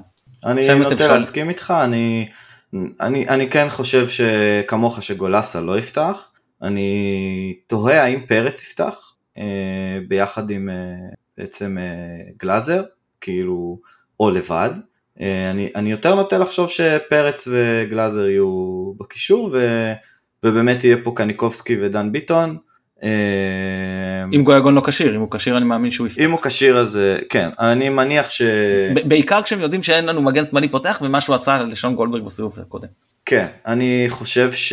אבל uh, גיאגון uh, ייכנס כמחליף כנראה, אני לא חושב שהוא כשיר ל-90 דקות גם אם הוא כשיר, אבל יכול להיות שאני אתבדה ואני טועה והוא באמת שמר אותו למשחק הזה, כי גיאגון יש לו התפרצויות uh, במשחקים מסוימים, כשבמשחקים אחרים הוא ממש נעלם מהמשחק, או שהוא ממש uh, כופה את עצמו על המשחק. Uh, נראה, אבל בכל מקרה יש פה... באמת רצון של, שלהם אה, מעבר ל... להאם הם באמת בקרב האליפות, לא בקרב האליפות, יש להם מן הסתם קודם כל רצון אה, להרוס לנו, רצון אז להרוס לה שהייתה בתחילת העונה לפחות, המתחרה שלהם לאליפות ובסוף אה, נדחקה לצד. אז אני מניח שיהיה פה גם הרבה משחק אה, של אה, מוטיבציה ורצון אה, לנצח שהוא אובר. טוב. אני, אני, אני אתן לכם את ההרכב שלנו, אתם התמקדתם עד פה ביריבה, אז אני אגיד מה, מה אני חושב שאנחנו צריכים לעשות. אנחנו צריכים לעשות בעיניי קצת uh, the complete opposite. זאת אומרת, uh, כל הניסיונות שלנו לשחק כדורגל נגד הקבוצה הזאת בבלומפילד uh, לא כל כך הצליחו בשנים האחרונות, ולכן אני אומר בוא, בואו נשחק הרבה יותר הגנתי, uh, ננסה לשמור על המבצר כמה שאפשר. אה, ואו לגנוב במהלך המשחק או לנסות אה, קצת לשנות מומנטום אה, בסופו. ולכן אה, מה שאני הייתי עושה זה עולה עם אה, ג'וש, שאפילו קצת חשבתי על אה, משפטי כדי אה, לתת מנוחה, ג'וש לא היה אתמול במלוא כושרו אחרי החצי פציעה הזאת כשהוא התנגש עם אליאס, אבל אני מניח שג'וש יעלה בהרכב. אה, אני שם את רז מאיר כמגן שמאלי, הוא גם טרי, הוא גם חזק, אנחנו במילא לא עולים שם עם מגן שמאלי שהוא הבחירה האולטימטיבית שלנו, אז אני אומר, הוא שיחק את העמדה הזאת הרבה מאוד, אולי גם הוא יהיה אה, עם נכונות אה, קצת יותר להוכיח את עצמו אה, אחרי מה שקורה איתו בתקופה האחרונה, בעיקר אחרי המשחק ההוא בנתניה שהוא הוחלף מוקדם. אה, עולה עם שלושה בלמים שאם שון כשיר אז שון אבל אם לא אז רמי גרשון בצד השמאלי עם סק ועם בטובינסיקה ועם uh, סונגרן כמגן uh, ימני. uh, עם שני קשרים שהם הקשרים האחוריים מרכזיים למרות שאנחנו כאילו עם חמישה בהגנה והרבה פעמים אז אנחנו עם רק עם אחורי אחד אז עם שני אחוריים כשאחד מהם זה עלי והשני או ג'אבר או גוני השאלה עד כמה הגנתי רוצים לעשות את זה. כשמלפניהם שרי סבא ופיירו כשהם במערך שיכול ככה קצת להתחלף, זאת אומרת זה יכול להיות שרי מתחת לשני חלוצים, או שרי וסבא ופיירו יותר מקדימה לפניהם. אה, ככה אני הייתי משחק, מנסה להתיש את המשחק הזה אה, עם קצת יותר סיכוי לבנות הגנה שלא סופגת, ואולי או גונבת או אה, מחכה לחצי שעה האחרונה או 20 דקות אחרונות כדי קצת אה, לשנות ולהפוך כשיש לי הרבה כלים על הספסל שגם יכולים לעשות את זה. טוב בגדול זה לוותר על התקפה דרך הקווים שזה בסדר אין לזה שום בעיה. כאילו אין לך אף שחקן להתקיף איתו בקו פחות או יותר. זה לגיטימי כי חמישיית הגנה היא חמישייה אה, אה, הגנתית. רז מאיר יודע לרווח לשמאל אבל להצטרף אבל פחות שחקן ש... ש... תראה מה, ש, מה שכן סליחה מה שכן יכול פה קצת להיות זה נגיד שגוני או ג'אבר טיפה יותר מאחורה עלי קצת יוצא קדימה ושרי עם נטייה לצד אחד אה, ו- וסבא נטייה לצד שני אבל כן זה הרבה פחות עם שחקני אגף ממה שמכבי רגילה לשחק. טוב אז אני חשבתי על שתי אפשרויות והראשונה אה, היא גם קו 5 בהנחה שגולדברג לא כשיר ואז אה, בלי גרשון הבלמים שלי זה סונגרן, בטובינסיקה וסק, חזיזה ימין, מאיר שמאל, עם אה, אה, אז באמת שם בקו 5 מעלי מוחמד ומחמוד ג'אבר, אה, וסבא מתחת לפיירו ודוד, או, או שירים מתחת לסבא ופיירו, כאילו סבא כחלוץ שני, שני הדברים הטובים, אבל עדיף סבא מתחת ל... לפיירו ודוד, צריך לקחת בחשבון גם את הגיל של שרי ואת העומס וכמה הוא ישחק במשחק הזה, כמה כאילו אנרגיות יהיו לו לפתוח משחק כזה. אם שונגו כן כשיר, ובעיקר אם גונגון לא יכול לשחק, אז אני פותח קו 4, זה הרכב המועדף עליי מבחינתי, כהן, ג'וש כהן בשאר, סונגרן, בטובינסיקה, סק, גולדברג, נאור, מוחמד, ג'אבר, חזיזה, סבא, פיירו.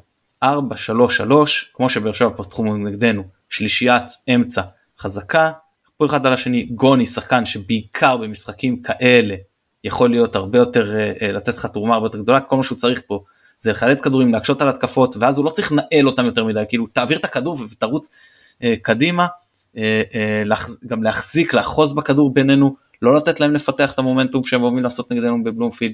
uh, שחקנים אני מעדיף את חזיזה בימין ואת סבא בשמאל עם הרגל החזקה שלהם והכנסות כדורים לאמצע גם לפיירו גם לג'אבר עם כל הזמן כניסות לעומק וככה אני רואה את זה, זה, זה ההרכב שלי, אבל שוב, אז הכל פה עם שונגו כן כשיר, ועד כמה הוא כשיר. אה, זהו, אני, אני חושב שב, שב, ב, שאם זה אבל יהיה קו חמש הגנתי, אז עם חזיזה כמגן ושלושת הדברים באמצע. אז אני אתן את, אה, אתם שניכם ויתרתם על אצילי, אני מוותר על סבא בהרכב שאני הולך להגיד, ואצילי מבחינתי בפנים. אה, אני נוטה ללכת במערך והרכב שהוא יותר דומה לאיך ששיחקנו בתחילת העונה מאשר אה, זה, כלומר עם ג'וש כמובן בשער, אה, חזיזה כמגן ימני, סונגרן כבלם ימני, אה, סק ושון זה האופציה המועדפת עליי כבלם שמאל ורז כמגן שמאלי, אבל אני לא, לא אתלונן אם שון ישחק מגן שמאלי ודילן ישחק אה, כבלם שמאלי, כי בכל מקרה האגף השמאלי הוא מבחינתי לא הולך לייצר אה, יותר מדי אה, התקפות.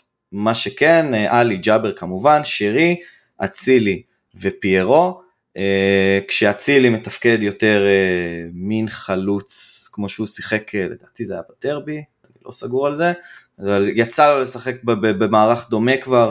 אה, כסוג של חלוץ שני, אה, ובעצם אה, בעיניי מתישהו הסיפור של אצילי עם, עם תל אביב צריך להסתיים, ו, וזה יגיע, ואני חושב שזה גם הרכב שנותן לנו את האפשרות לעבור לקו 4 בצורה מאוד מאוד גמישה, כשסונגרן יכול לעבור לאגף הימני. ובעיקר עם רס פותח ושון וסק כאילו בלמים, אה, ואז אפשר לעבור ל-4-3-3 אה, כשחזיזה בשמאל ואצילי בימין, וגם אפשר לשחק פה בקו 5, מה שפחות, כלומר אפשר להחליף פה באותו מערך גם את אצילי בסבא. אני פשוט חושב ש... שסבא יהיה קלף יותר נכון מהספסל, כלומר מאשר אצילי עולה מהספסל, אני חושב שזה גם סוג השחקן שאצילי לא, לא זכור לי אותו משנה משחק חוץ מיובנטוס בחוץ, שכאילו הוא צם אז הוא, היה ברור שהוא לא יפתח, אבל אני לא זוכר אותו נכנס ומשפיע על משחק כמחליף. מנגד אני זוכר את סבא הרבה פעמים נכנס כמחליף ומשפיע, גם קצת אצלנו כשהוא נכנס מול אשדוד, כשהוא נכנס מול נתניה. אמ, וגם בקבוצות קודמות שלו, זה, זה, זה יותר אופי של שחקן שיודע לבוא ולהיכנס למשחק ולקחת על עצמו. אה, מעבר לזה שגם כמו שאמרת שרי, אני לא יודע איך הוא היה מאוד עייף אתמול, לא יודע, יסחוב את ה-90 דקות האלו, הוא גם יכול להחליף את שרי, ואני חושב שאצילי הוא קלף מאוד מאוד מאוד חשוב במשחק הזה, בעיקר אם חזיזה פותח מגן, וזה יכול להפוך לאגף שהוא מאוד מעניין, מעבר לקלף שחזיזה יכול גם לעבור, אה, ולהחליף אותנו לקו 4. אז בעיניי אה, זה ההרכב והמערך שאני הולך איתם. אני מאמין באצילי. אני רק רוצה להגיד שאין לי שום ניחוש לאיך בכר הולך לפתוח, אני באמת לא יודע. לא, כאילו, ברור. אני מרגיש, אני, אני חושב, מרגיש, מרגיש מה זה קשור למרגיש, אני חושב שאלי וג'אבר יפתחו, לא יודע קו 5, קו 4, לא יודע מי מהרביעייה כאילו זה יוותר, יכול להיות שהוא מוותר על פיירו בכלל ועולה עם סבא חלוץ שקר קשה לי להאמין אני כן מאמין שבמשחק הזה הוא יעלה עם פירו בעיקר כשהוא יודע שצריך פה כדורים ארוכים וכאלה. אני באמת באמת קשה לי לדעת איך הוא זה הרי אם כולם היו קשירים זה היה די קל הרבה יותר פשוט לדעת אה, אבל פה אני אין לי אין, אין פשוט אין לי מושג היותר קל לי באמת באחוזים יותר קל לפגוע בהרכב של מכבי תל אביב מאשר בהרכב שלנו. אני מסכים איתך אני חושב שהשחקנים הבטוחים היחידים זה ג'וש וסק אמ, לא, עלי, עלי 100%, עלי 200% בהרכב. וג'אבר, לא, יש לי עוד חסר, וסונגרן. אני חושב, אבל עלי בטוח בטוח, אין כן, וסונגרן, אם הוא כשיר הוא פותח. סונגרן בוודאות תפתח, כלומר אין פה איזה, זה, אה, כן, אין פה, גם אם אנחנו נקלע בהרכב 100%, אתה לא יכול לדעת מה המערך, כלומר עד שהמשחק לא יתחיל, חמש דקות ראשונות, אין לך מושג, כאילו, אין לך שמץ איך יפתח המשחק הזה. ואז הם משחקים ואחרי חמש דקות הם מחליפים ואחרי חמש דקות מחליפים שוב שזה נהדר אין תלונות כן אבל אה, אבל באמת אפשר לדעת אי אפשר. רק לא קשר אחד באמת רק לא קשר אחד. ניסינו את זה, מסכים. זה לא עובד לנו, זה לא עבד בבלומפילד גם פעם אחרונה שניסינו את זה פז עם רוגדריגז כבלם, שהיינו צריכים לרדת לפיגור כדי שהוא יעבור שחק עוד קשר. נכון. זה לא הולך הסיפור הזה, אנחנו צריכים קישור חזק מולם. למרות שיש לנו בלמים מצוינים וכשזה, ואנחנו יכולים לכאורה לתת לדברים להתנפץ עליהם, אבל לא ככה, לא, לא, כאילו ראינו זה גם לא עבד משחק ראשון גם אצל זהבי זה לא צריך להתנפץ על הבלמים הוא לא מחכה לבלמים הוא מחוץ לרחבה מוריד לך אותם אז נכון אז אם אתה לא יודע לעצור אותו שם עם קישור uh, חזק אז אתה גם uh, בבעיה. Uh, אבל אני אגיד עוד משהו ככה אחרי שעם כל החששות להפסיד שם אני כמובן לא רוצה שזה יקרה ואני חושב שאנחנו בהחלט גם מסוגלים uh, לא רק לא להפסיד אנחנו מסוגלים גם לנצח אבל אני חושב שהם פייבוריטים בגלל אגב בגלל החוסרים שלנו לא רק בגלל בלומפילד אם אנחנו באים פיטים כאילו עם שבוע מנוחה ועם כל הסגל, והם עם כל הסגל ועם שבוע מנוחה, אני חושב שאנחנו עדיפים גם בבלומפילד. אבל זה לא מה שקורה, כרגע הם פבוריטים וזה בסדר להודות בזה, אה, ועדיין הפסד שם הוא לא אסון. זה שבע מהם, שזה הפרש לא קטן, שהם צריכים לשחק בטרנר, והפועל באר שבע הם קבוצה מצוינת, והם עדיין לא ניצחו את אשדוד. ואשדוד קבוצה טובה מאוד, שהיו טובים מאיתנו במשחק אצלנו, וניצחו את נתניה עכשיו. ניצחו גם את ו... באר שבע בגביע, לא? כן, הדיחו את באר שבע, אגב ניצחו אותם גם בטרנר בליגה. נכון. והם באים, אה, אומנם יש להם לחץ עם מאבק על אירופה, אבל הם באים יחסית משוחררים, שבאר שבע יודעים שכל אובדן נקודות הוא סוג של. סיום, יכול להיות סיום האליפות מבחינתם. כאילו אם זה שבע אחרי המשחק בבלומפילד, לא משנה, כאילו אפילו אם אנחנו מפסידים או הם מפסידים או תיקו ותיקו, זה כבר זה כבר צעד ענק מבחינתנו. כאילו הם יודעים שהם אה, זה כבר יהיה משהו קשה הרבה יותר להדביק. הם, הם חייבים לבנות על צמצום במחזור הקרוב כאילו. אני אמרתי מבחינתי הקרב אליפות של, אה, של תל אביב הוא, הוא אשליה אופטית. הקרב פה הוא מול באר שבע.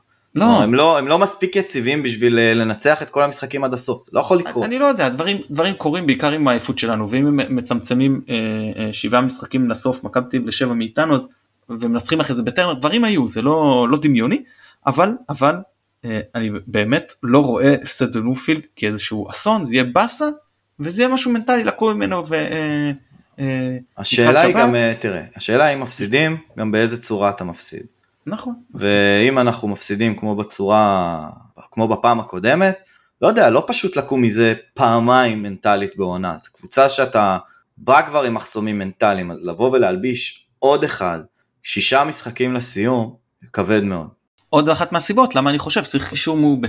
כי, כי זה מקשה לייצר נגדך כזה מומנטום שמפעיל מכבש ו- ו- ומצבים והכל. מקסימום אפשר למנוע ממך ולנטרל אותך, זה מקל לנטרל אותך, ובסדר. תראה, אני, אני יכול להסכים.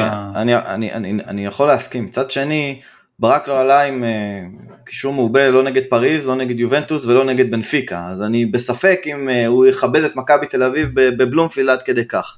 Uh, כי, כי לא, תשמעו, בסדר, אבל חלק, לא, אבל חלק מהמשחקים האלו עולה בקו 5, אז זה, זה לא אותו דבר. נכון, אם הוא יעלה נכון, בקו 5 נכון. זה ברור שהוא לא היה עם שלושה קשים. אני, אני מסכים, אני מסכים, אבל אני חושב שזה אפילו לא היה בסקופ שלו, כי כאילו בסופו של דבר, בתכלס, הוא מאוד uh, נוטה למה שנקרא ה-DNA של מכבי חיפה, זה אם אני בא, אני, אני בא, אם אני מת, אני מת יפה, ואם אני מנצח, אני מנצח עוד יותר יפה. Uh, שזה, אתה יודע, האוהדים מתחברים אליו וזה אחלה, אבל צריך רגע לזכור גם שבאמת אנחנו ב...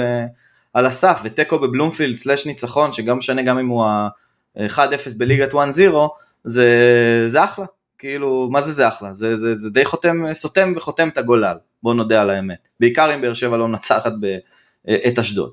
אז אה, כאילו, צריך גם לקחת את זה בחשבון. מצד שני, תמיד אפשר אה, לבוא ולהגיד ש... שאפשר להתחיל חזק ו- ו- ומה שנקרא אה, אחרי זה לשמור על השער. שזה גם היה הרעיון של אתמול, בוא נתחיל חזק ולאט לאט נלך ונשחק את המשחק הגנה שלנו בצורה טובה וזה גם מה שעבד אתמול בסופו של דבר, כי הפקענו משום מקום, למרות ששמנו כל כך הרבה כלים התקפיים וידענו לשמור על זה.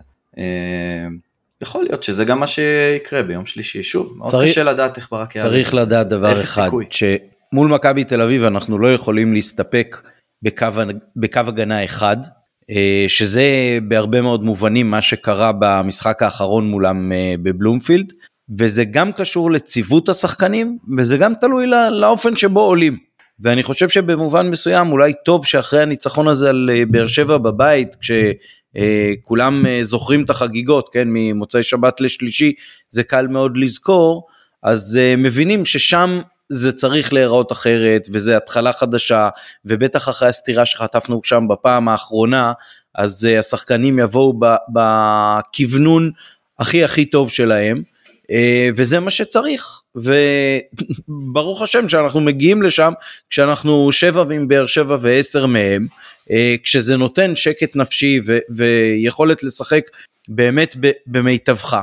ווואלה מה שיהיה יהיה, אני, אני מאמין במכבי שלא תפסיד שם פעם נוספת מחרתיים, אה, וגם אם כן, אז צריך לזכור, אה, שניים אה, לתוך הפלייאוף, את שניהם לקחנו, אמרנו בשני הפלייאופים הקודמים, נדמה לי 20 ו-21 נקודות הספיקו לנו לקחת אליפות, אז אנחנו צריכים עוד 14 מ-24 פחות או יותר. אף אחד לא אה, ביקש יותר מזה כשהתחילה העונה אי שם באמצע הקיץ. מילות סיכום? נכון.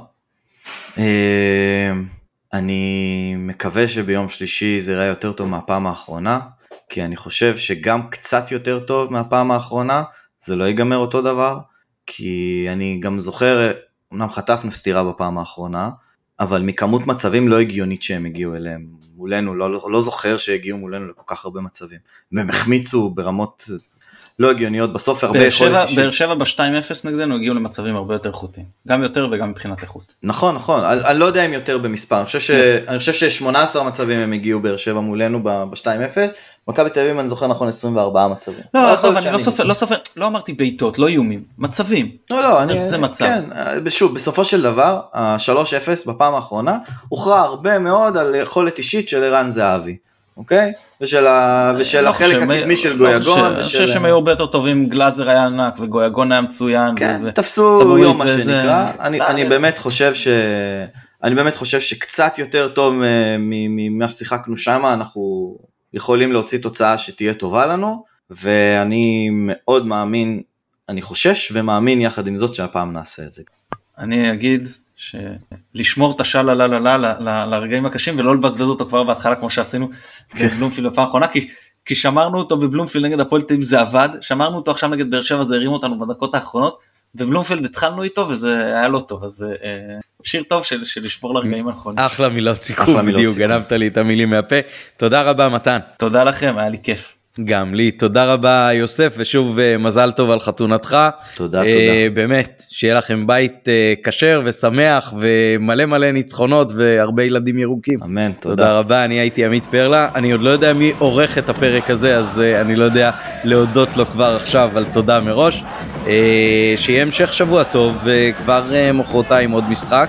אה, נראה איפה לפני המצות אנחנו דוחפים גם איזושהי הקלטה שתסכם אותו. שיהיה לכולם אה, שבוע טוב וחג אה, שמח למי שלא יאזין לנו אה, עד אז. כל טוב.